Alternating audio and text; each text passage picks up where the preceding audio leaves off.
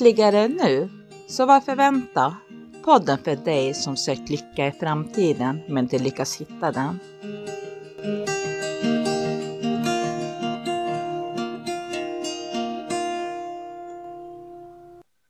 Hej Filip! Hej Niklas! Hur är det med dig idag? Ja men nu känns det bra. Jag har haft en liten, uh, lite tuff vecka sådär, men uh, nu har jag vilat upp mig så uh, jag tror det är bra nu faktiskt. Och, idag är ju också en speciell dag. Ja, det stämmer bra. Vad gör denna dag så speciell Filip? Vi har ju en gäst med oss idag. Vi har ju Angelica med oss. Precis. Hej hej. Välkommen. Tack. Angelica och, och vi träffades ju för, vad är det, några veckor sedan nu tror jag, på um, Skandinaviska trippelträffen. Och du höll ju också en, en liten så här miniföreläsning där som var jättebra och intressant att lyssna på. Och, um, jag kände att man fick lite kontakt där så att uh, efteråt så har vi haft lite kontakt och, och uh, jag kände så här direkt att men Angelica hon, hon måste vi få med oss i vår podd någon gång. Så, och det fick vi ju. Så jätte, jättekul. Varmt välkommen. Tack så mycket. Det känns jättekul att få vara med. Verkligen. Härligt. Jag tänkte först så kanske du vill berätta lite om, om dig själv. Vem är du och vad håller du på med? Så, så lyssnarna får, får lite känsla för det. Mm. Ja, och det är ju alltid spännande när man ska berätta om sig själv. För vem är jag då? Jag är ju allt eller inget egentligen. Men eh, det jag håller på med då, så jobbar jag med, med hälsa, både för kropp och knopp. Så att jag coachar ju och via de här tre principerna. Eh, jag coachade för, har coachat längre än tidigare när jag inte höll på, inte hade hittat de tre principerna också, vilket har blivit en hel vändning nu när jag jobbar med det här. Sen så jobbar jag med att eh, sätta kroppen i balans också. Ehm, och jag har ju liksom gått igenom en hel del i mitt eget liv, varit sjuk och kommit tillbaka. Och, så det här med att kunna må bra villkorslöst är ju någonting som jag vill dela med mig av till, till världen, skulle jag säga.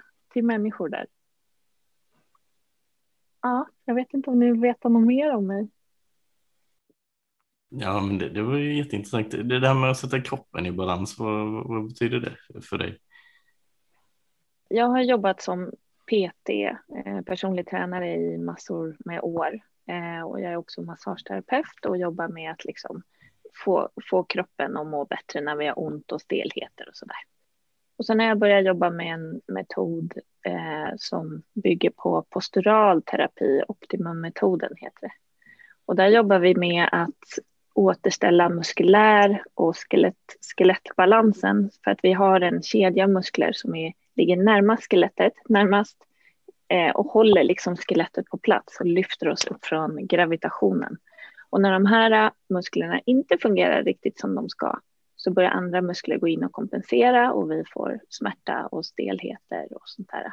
Så när vi börjar få rätt saker och göra rätt jobb så infinner sig balansen i kroppen och vi kan bli av med, med smärta som vi har gått med länge och stelheter. Så det är kroppslig balans.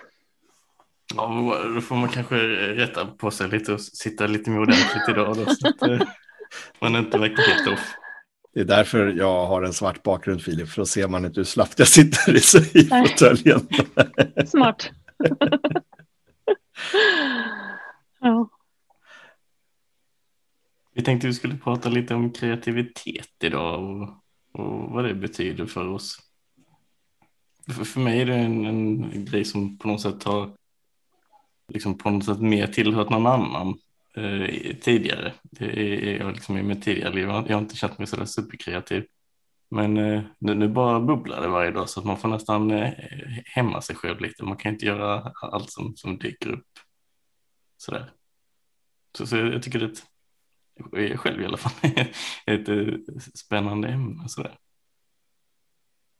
Vad, vad, vad, vad, tänker du om kreativitet, eh, Angelica? Vad, Har du sett någon skillnad kring det? Ja, men jag har sett en, för mig själv en ganska stor skillnad. Och om, om jag ska se till mitt företag, jag driver ju mitt eget företag, Hela Du. Där hade jag ju liksom förut väldigt inrutat och jag trodde att jag inte kunde så mycket och att jag måste utbilda mig mer hela tiden. Jag var liksom aldrig riktigt nöjd så att jag var inte speciellt kreativ. Jag gick på massa eh, kurser och jag har utbildat mig mycket men jag blev ju aldrig nöjd. Så min egna kreativitet kom ju inte fram. Och jag kände mig ganska låst i vad jag kunde göra. Och det som jag har sett idag, nu ploppar det ju upp idéer i huvudet från liksom så här som man börjar titta sig runt. Var kom den där ifrån? Oj, men det var jag som sa. Ja, ja men okej. Som att det liksom, det finns ett annat flöde och allting är inte längre i en liten låda. Man brukar säga tänk utanför boxen och jag säger det finns inte ens någon box. Bara wow. Och det var nästan när det började öppna sig för mig så var det som att men gud, hur ska jag hinna med? Lite som, som du så här, och det kommer så mycket. Då var det nästan så men jag kommer inte hinna med. Jag får så mycket passningar och så mycket bollar att springa efter så att nej men det, det här går inte. Och sen om man bara liksom chillar så kommer man ju också veta vilken idé man faktiskt tar. Och så märker man att ja, men den funkar inte, men då tar jag en annan. Så det är lite roligare. Det, det, blir ju på något sätt, man behöver inte kämpa lika mycket för att få de idéerna. Eh, som tidigare så, så har, man, har man alltid trott att det är någonting man ska göra för att få idén. Man ska göra några metoder eller man ska läsa den där boken eller man ska gå den där kursen så kommer jag bli full av idéer. Eh, och, och det hjälper ju till viss del. Men då måste man, när man har sugit ut de idéerna som har kommit från den kursen eller den boken, ja, men då måste man läsa en bok till. Eller så måste man, bo, alltså det, det är ständigt görande, så man hela tiden är på väg någonstans för att nå det som man ytterst gärna vill. Mm. Men när man, när man stannar upp och får det tankefria utrymmet så, så, så händer det automatiskt istället, utan något görande. Mm. Absolut. Jag är ofta som mest kreativ när jag går med hundarna i skogen. Då, då kommer jag på hur mycket smarta idéer som helst. Liksom. Så får man ju se sen vad man kan göra någonting åt. Eller, eller vad man vill göra av. Liksom.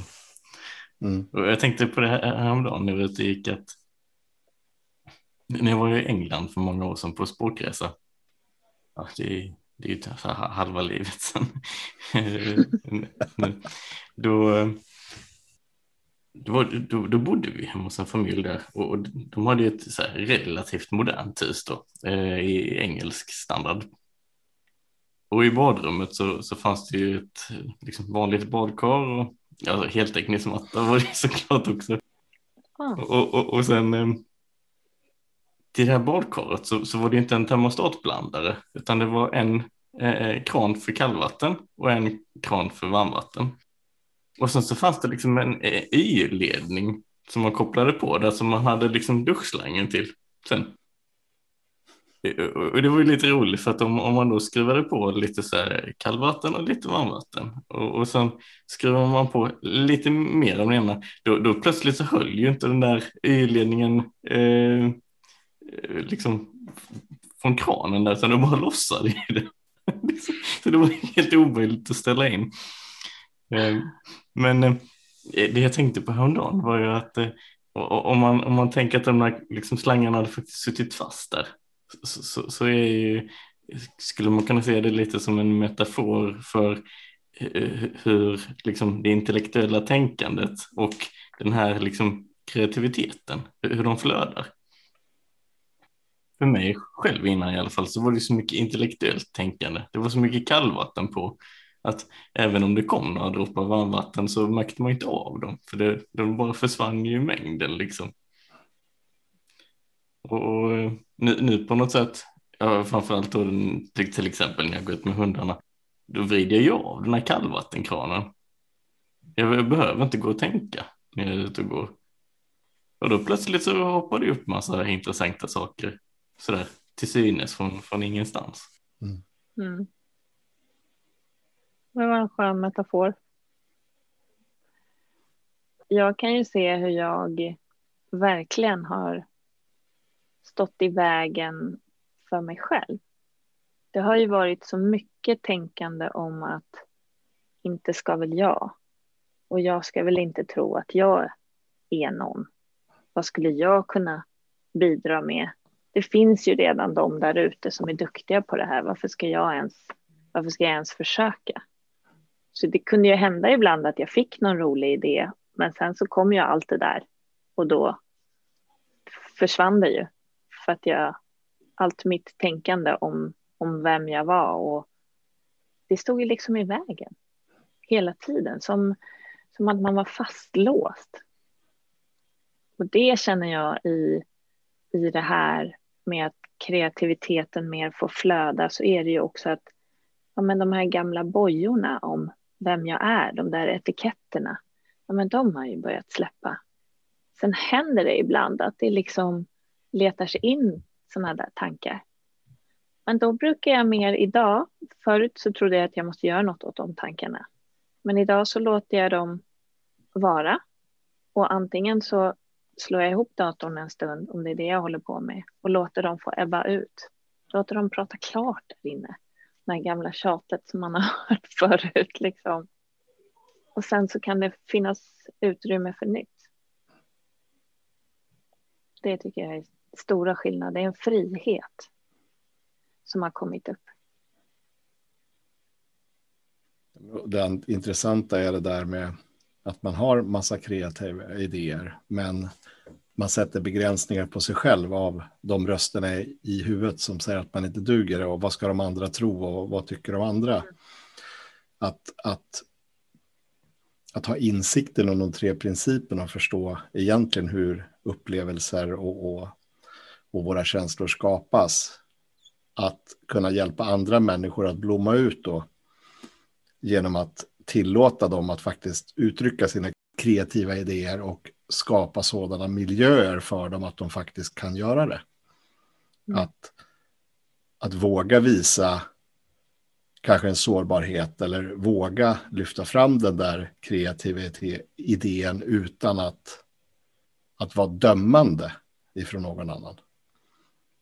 För, för det, det är ju det dömande samhället som vi på något sätt växer upp i. Vi, vi blir liksom placerade i en ram. Vi blir uppfostrade på ett sätt att så här är det. Men mm. det är ju bara påhittade saker alltihopa.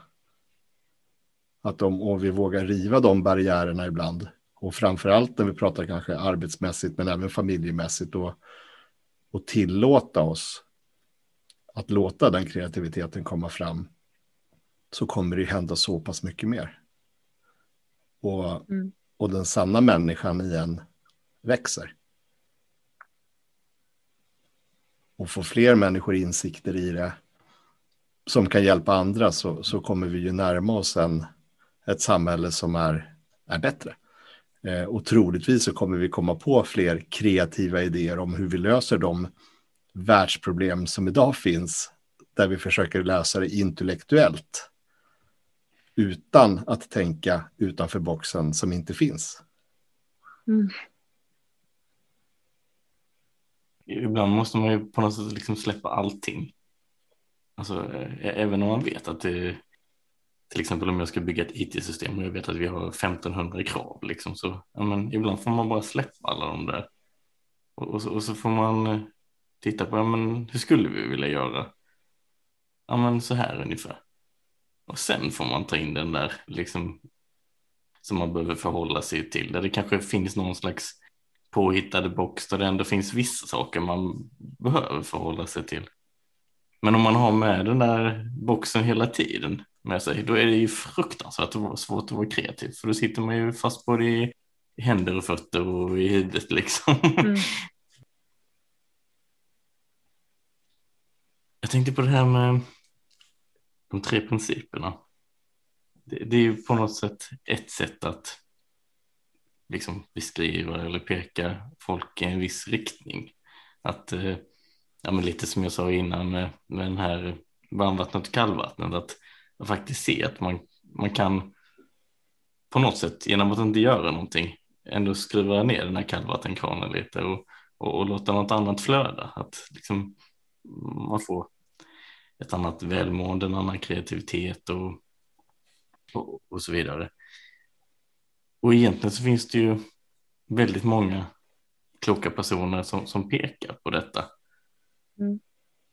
Men det är så svårt på något sätt att ändå peka i den här riktningen. Eftersom man, man är så van att tänka intellektuellt. Så, så ehm, ja, det, det är väl vår största utmaning här allihopa, eh, tänker jag på något sätt. Mm. Att liksom försöka peka folk att kunna leva lite mer i det tankefria uh, utrymmet på något sätt. Så finns det någonting som, som du skulle kunna berätta Angelica som, som du ser med de tre principerna som gör att det är någonting som betyder något extra för dig? Jämfört med allt annat som finns där ute. Det som jag brukar peka på lite grann när jag har någon ny klient eller någon som är nyfiken på det här är ju att börja visa hur det här kreativa till exempel redan finns där. Som det här med att eh, vi står i vägen för, för oss själva. Om jag ska komma på, jag sitter och tänker på att jag, om jag ska, åh den där skådespelaren du vet som var med i den där filmen och gud vad, jag kommer inte på vad han heter, men herregud jag kommer inte på och så men jag släpper det en stund, jag får, komma på det sen och så dyker det upp ganska snabbt. Ja, men det var den här. Och det är ju när vi, det är en sån liten banal grej, men som de flesta verkligen har varit med om. När vi inte står i vägen för oss själva så dyker svaren upp. Och det kan vara i en sån futtig grej som att komma på en skådespelare till en film. Och det kan också vara en sån grej som att veta vad jag ska göra med min tonårsdotter om jag inte har för mycket tänkande om henne så kommer jag att veta hur jag ska möta henne. För att det, det kommer att visa sig när vi är i flödet i livet. Och det är det som jag... Jag börjar få mer och mer av den tilliten och också när jag coachar personer så har inte jag en agenda innan. Jag har ingen aning om vem jag ska möta och vad den har för problem eller vad man ska säga. Men när jag bara är där så är det som att alltså vissa gånger så kan jag nästan bli förvånad själv. Oj, men gud vad smart hon var den där. Åh, det var jag som sa. det är som att det, det kommer till oss i stunden, det vi behöver. Som att vi har världens största verktygslåda. Men vi tror att vi bara har tre verktyg och så ska vi använda dem på allt när vi bara använder våra tänkande. Men om vi släpper de verktygen och har en tillit så finns det så mycket verktyg. Och det är någonting som jag skulle vilja att fler verkligen fick syn på. Att det här är, vi lever i ett flöde i livet. Och ju mer vi är i flödet, som att vi åker på en flod och ibland så fastnar vi i tänkandet och så blir det en liten fördämning. Men till slut så skjutsar det iväg igen och så är vi vidare i livet. Och så är det ju med kreativiteten också. Ja, men det, det, är helt riktigt.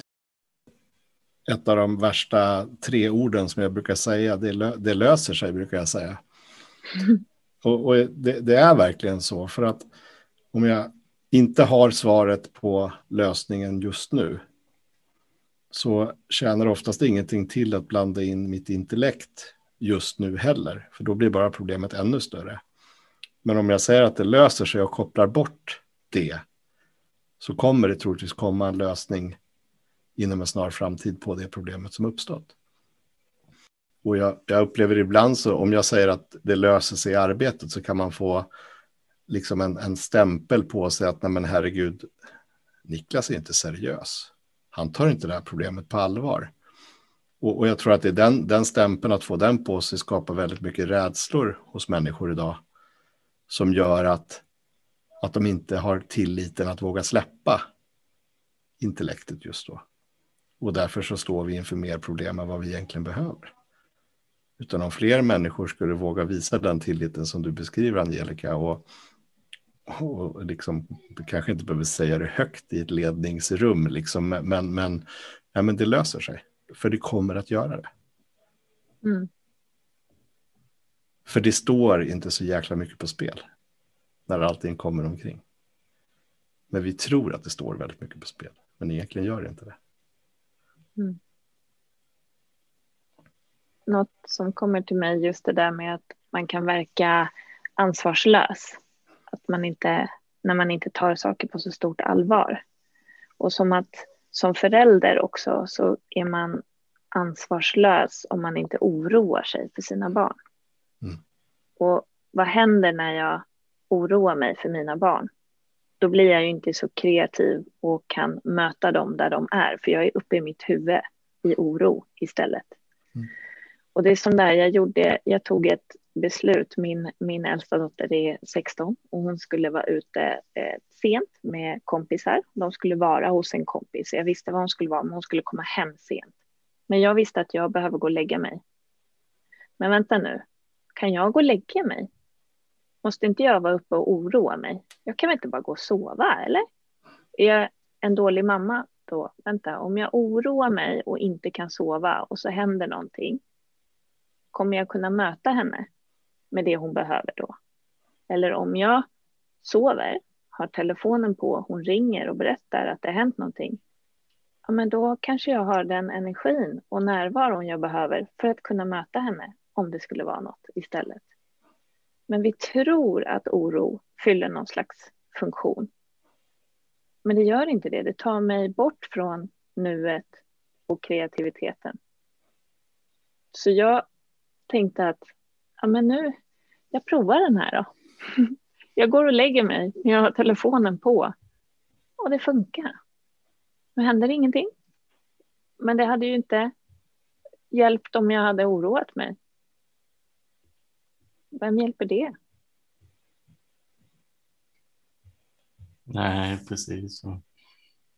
Alltså det är klart att man behöver ta vissa saker på allvar eh, så på något sätt. Men, men det blir inte bättre för att man oroar sig eller, eller att man liksom får den där ja, som jag brukar prata om, den här seriösa manteln över sig. Liksom. Det, då får man ju bara en sån här obehaglig känsla och, och då, då stryper man ju det där flödet av, av, av klokhet och eh, liksom sunda tankar som, som dyker upp med, med lösningar och, och annat.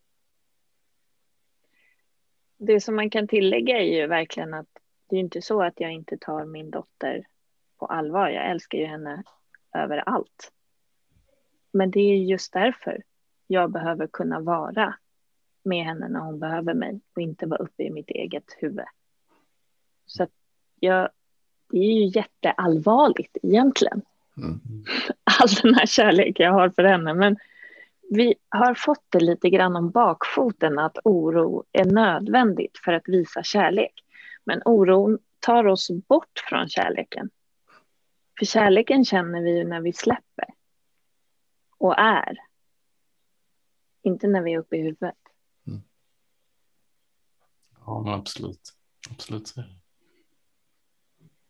Det, det, är ju samma sak med, med, med känslan av stress.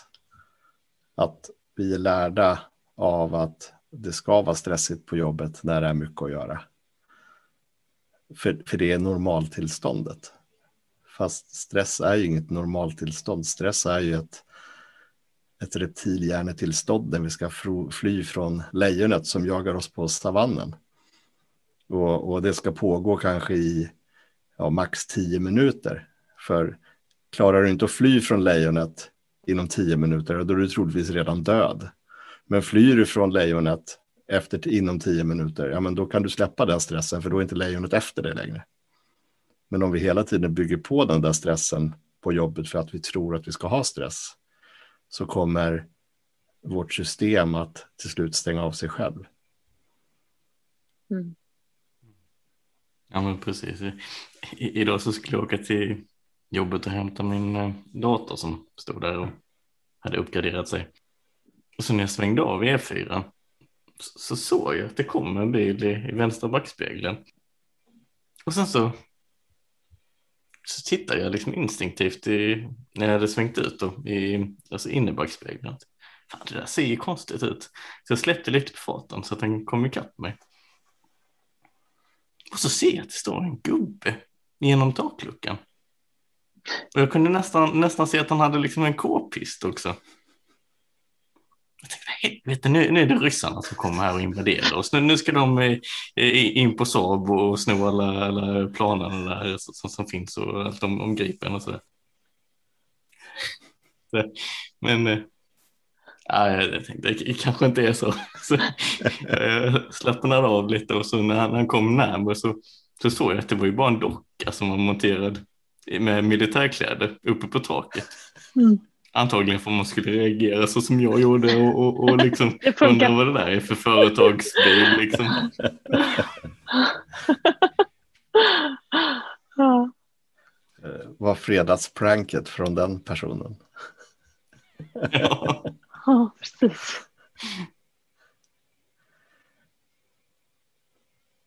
Men det, det handlar väl också om att vi pratade lite om det där att man måste våga och släppa taget. Eh, och, och, och det 3P pekar ju på att vi, det finns ju två verkligheter. Det finns den spirituella och den intellektuella. Och att, att våga släppa taget, att gå in i det spirituella.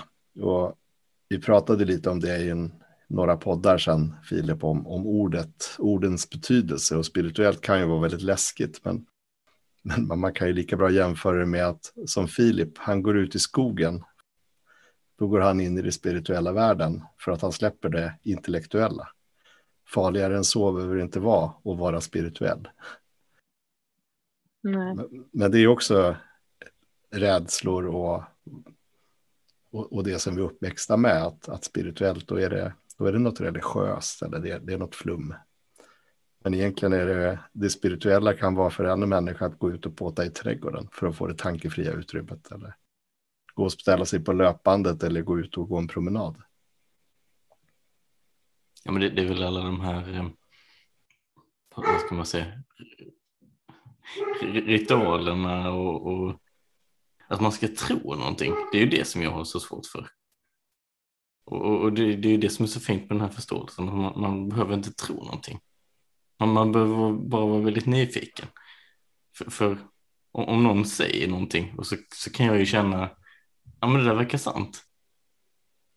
Men då gäller det att vara, vara ytterligare lite nyfiken, eh, känner jag i alla fall. Och, och, och på något sätt försöka se, ja men hur vet jag att det är sant då? För är man lite öppen för det, då, då kan man ju få en, en djupare insikt om på något sätt, ja men Jaha, det, det, var, det var så liksom. Sen kan man ju oftast inte förklara det överhuvudtaget för då, då låter det bara som man är en papegoja eh, mm. och säger massa ord som inte liksom betyder någonting. Men, men man har ändå sett det själv på något sätt. Annat än om bara Niklas till exempel berättar för mig att så här är det. Även om jag, jag kan känna på något sätt att det finns något sant i det han säger eller att, att det kommer ifrån en sann plats på något sätt så, så kanske jag inte riktigt ser det så djupt själv. Nej. Och det är ju verkligen det där som är med insikter, att det kommer inifrån. Om någon säger någonting som låter sant och jag verkligen ser det inifrån mig själv, det är ju då det kan hända någonting. För det finns ju massa saker här ute som vi vet är sant, men det händer ingenting här inne i alla fall. De som röker till exempel vet ju att det är inte så fiffigt att röka. Det vet ju alla. Men jag slutar inte. För att jag har inte, jag har inte kommit inifrån mig själv att jag ska göra det. Så det spelar ingen roll hur mycket kunskap vi har där ute. Det har ingen betydelse överhuvudtaget, allt vi kan läsa oss till, om jag inte resonerar inifrån mig själv. Och det är verkligen det som jag tycker är så fint när man får se när jag coachar och man kan se när någon får en insikt när det resonerar med dem inifrån. För det, det är som att det syns utanpå. Jag kan se det i ögonen. Jag försöker att peka i en riktning och de hör det inifrån sig själva, från den där platsen som redan vet om det. Jag hade en, en klient här om veckan som sa just att men det, känns, det känns ju som att jag vet allt det här. Ja, det gör du. Det gör du. Vi har bara glömt. Vi föddes så här. Vi föddes med allt. Men vi har glömt bort det. För vi har trasslat in oss i våra tänkande. Och det är också någonting som är fantastiskt med att få vara coach i det här mot hur det var för mig förut. För förut så, apropå att vara kreativ, så trodde jag att det var upp till mig att fixa en annan person. För det var ju upp till mig att försöka fixa mig, så då måste jag försöka fixa de andra också. Och jag kan ju typ inte fixa mig, men jag ska ändå försöka fixa andra, för jag vill hålla på med det här någonstans. Men idag kan jag luta mig tillbaka och bara, du är redan hel. Jag ska bara försöka peka dig i din egen riktning. Och det är otroligt befriande. Jag vet att den som kommer in till mig har den här mentala hälsan. Den är redan på plats. Vi fick den från början. Så nu behöver jag ju bara försöka vara där och peka. Och till slut kanske det är en insikt som kommer inifrån, inifrån verkligen. Jag tänker att det är lite som en, som en dator på något sätt som har fått, fått virus. Alltså själva datorn, den fysiska datorn, den är ju hel. Det, det är ju inget fel på den. Men man kan ju ha fått liksom ett, ett virus i mjukvaran. Och, och, och, kan du då liksom peka mot den där som kan ta väck viruset, eh, antivirusprogrammet eller vad det nu är för, för någonting i, i det här exemplet. Ja men då kan man ju bli av med viruset och sen så funkar datorn jättebra sen. Och, och det är ju likadant för oss människor, att kan man få den där insikten och se det själv, ja men då, då försvinner det där som finns här i form. Antingen om det är något mentalt tänkande eller om det är något fysiskt besvär man har så, så, så förändras ju, ju det. Liksom när man kan se från, på något sätt från den andra källan där man som du säger är hel redan. Mm. För att jag tänker ändå att eh, på något sätt så kan vi ha saker i, i den här världen av form som, som inte funkar helt optimalt. Men, men vi vet att det finns ett sätt att få dem att göra det så, så, så gott det går. Mm. Och, ja, men mentala så finns det väl alla förutsättningar att, att det funkar bra. Liksom. Ja, det, det, jag tycker det är så spännande det här med kopplingen mellan eh, det mentala och, och kroppen, liksom hur, hur, det sker. Eh, jag har ju ofta liksom haft ont i huvudet och, och, och, och nu ser jag ju det, liksom det, det, det beror ju hundra procent på, på, på liksom mina mentala aktiviteter, om jag har ont i huvudet eller ej. Mm. Men då har det tagit ganska lång tid att, på något sätt att, att landa i det. Och det är ju också det här fantastiska med att jag kan också, jag får också ont i huvudet när det är för mycket i huvudet. Mm. Men idag kan jag ju känna när det är på gång. Oj, nu är jag nog för mycket uppe i mitt huvud. Det är som en liten signal.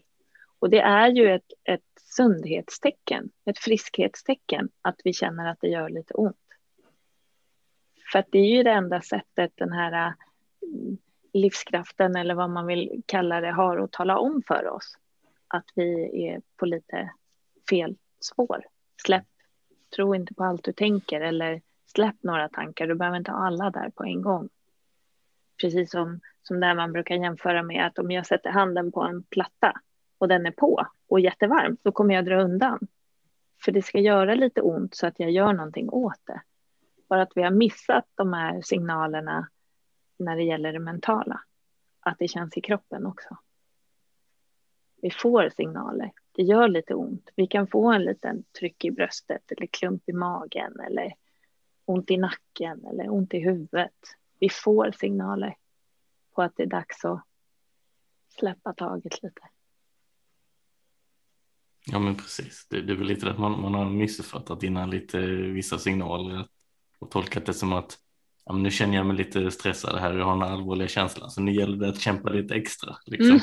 Istället för att ja, men det är kanske bättre jag tar fem minuters paus nu, liksom få lite perspektiv på det och sen så kan jag, kan jag ju stryka hälften på min lista liksom. och så, så kan jag fokusera på det som är viktigt istället. Mm. Bättre att backa bak några steg än att, att ta den där huvudvärkstabletten. Eh, så kanske det släpper utan medicin ibland också. Mm. Men vi sitter ju verkligen i, vi sitter ju ihop. Jag som jobbar både med, med kroppen och knoppen eh, så är det ju verkligen så att jag har ju fått vissa, som har, vissa klienter som har kommit till mig för att de har väldigt mycket ont i kroppen. Och så ska vi börja rätta till, balansera upp och jag märker att nej men jag, vi, vi kommer inte åt det här. Det här nej men det går inte att rätta till det. Vi gör alla rätta övningar, jag gör de behandlingar som behövs, men det går inte. Och då är det för att vi har för mycket mentalt som står i vägen.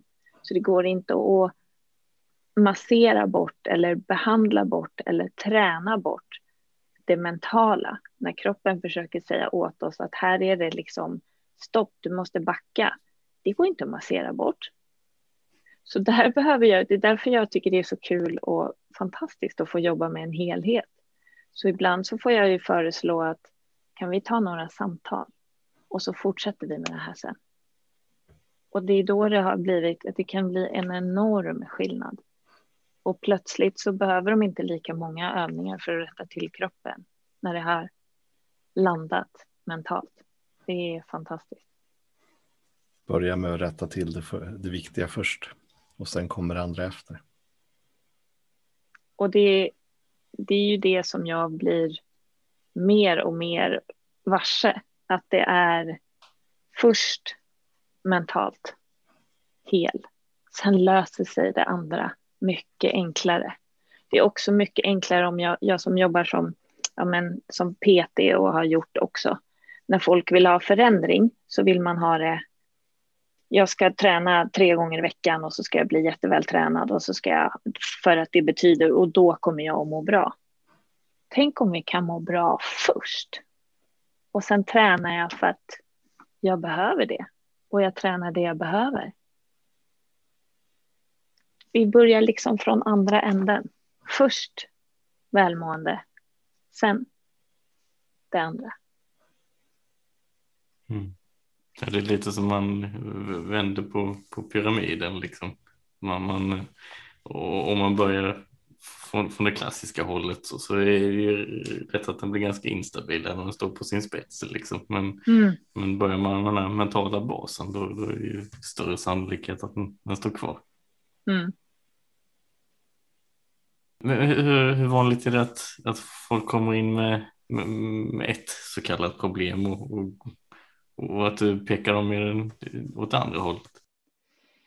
Det är hyfsat vanligt. Men jag skulle säga att alla är inte öppna för att se att det är någonting annat. Utan vi vill att det ska vara eh, axeln som det är fel på. Eller att jag har en dålig rygg. Och väldigt mycket kan vi jobba muskulärt men vi kommer inte hela vägen. Och jag föreslår ju ibland att vi ska ha samtal och en del är ganska, ja men jag provar gärna det och en del bara, nej men det, nej men det här räcker för mig, jag, det har blivit lite bättre. Så det är ganska vanligt, men det är inte alla som är, är sugna på att se det på ett annat sätt och det får man ju vara ödmjuk för. Men jag kanske ändå då har sått ett litet frö. Att det finns kanske ett annat sätt att se på saker och ting.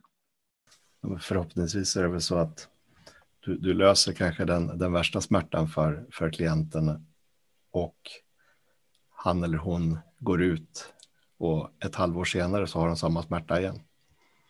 Och hittar de rätt till dig då så förhoppningsvis kanske de kommer ihåg det där. Hon sa någonting klokt där. Ska vi börja med ett samtal? Eh, för det, det, ibland måste man kanske hamra med hammaren två gånger för att slå sönder ägget. Det funkar inte första gången liksom. Men det är ju som det här uttrycket också att man kan bara leda hästen till vattnet. Mm. Jag kan inte tvinga den att dricka. Vi behöver ju ha en, en nyfikenhet och öppenhet på att eh, vilja någonting annat. Mm. Och det är ju ofta väldigt mycket rädsla som står i vägen. Jag vet, det som, när jag landade i de tre principerna, det som fick mig att våga börja släppa mina tankar, för det var ju rädsla. Jag, kan, jag hade hört att tankar inte var sanningar, men det var allt jag var, trodde jag. Men när jag fick höra att jag var redan hel, välmåendet fanns redan på plats, men då vågade jag ju börja släppa. Så jag förstår verkligen rädslan över att men vad då ska vi börja ha samtal och så börjar jag få syn på vem jag är eller vad ska vi? Nej, men det blir läskigt. Mm. Jag förstår att det kan vara läskigt. Men det är också smått fantastiskt att få känna den man verkligen är. Ja, absolut. Visst är det så. Angelica, om folk blir nyfikna på att veta mer om dig och ta kontakt med dig, hur, hur, hur hittar de dig? Då är man välkommen att mejla mig om man vill. Angelica snabela heladu.se, Angelica BC. Eller så kan man gå in på min hemsida och kika lite där också, www.heladu.se. Det kan man ju alltid kolla på Facebook och Instagram och sånt här också. Hela du och Angelica, där finns jag också. Perfekt, vi, vi kommer lägga upp eh, länkar och så i, i beskrivningen till podden också så att om du som lyssnar nu inte hade papper och penna tillgängligt så är det enkelt att bara öppna din Facebook-app och klicka så kommer du hitta Angelica där. Om du blir nyfiken på mer vad hon kan hjälpa dig med. Om du har någon smärta i axeln som, som inte vill ge med sig. Så tusen tack för att du ville tillbringa den här stunden med oss och, och dina kloka ord. Tack. Tack. Ja, tack så mycket Angelica. Det var jättetrevligt och kul att se dig lite mer så här på skärmen igen. Supertrevligt.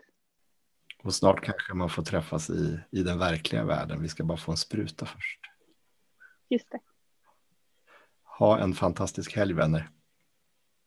Tack detsamma. Tack detsamma. Ha det gött. Hej då. Hej. Tack för att du lyssnade. Tipsa gärna vänner och kollegor om podden lyckligare.nu. Tillsammans gör vi världen lite bättre steg för steg.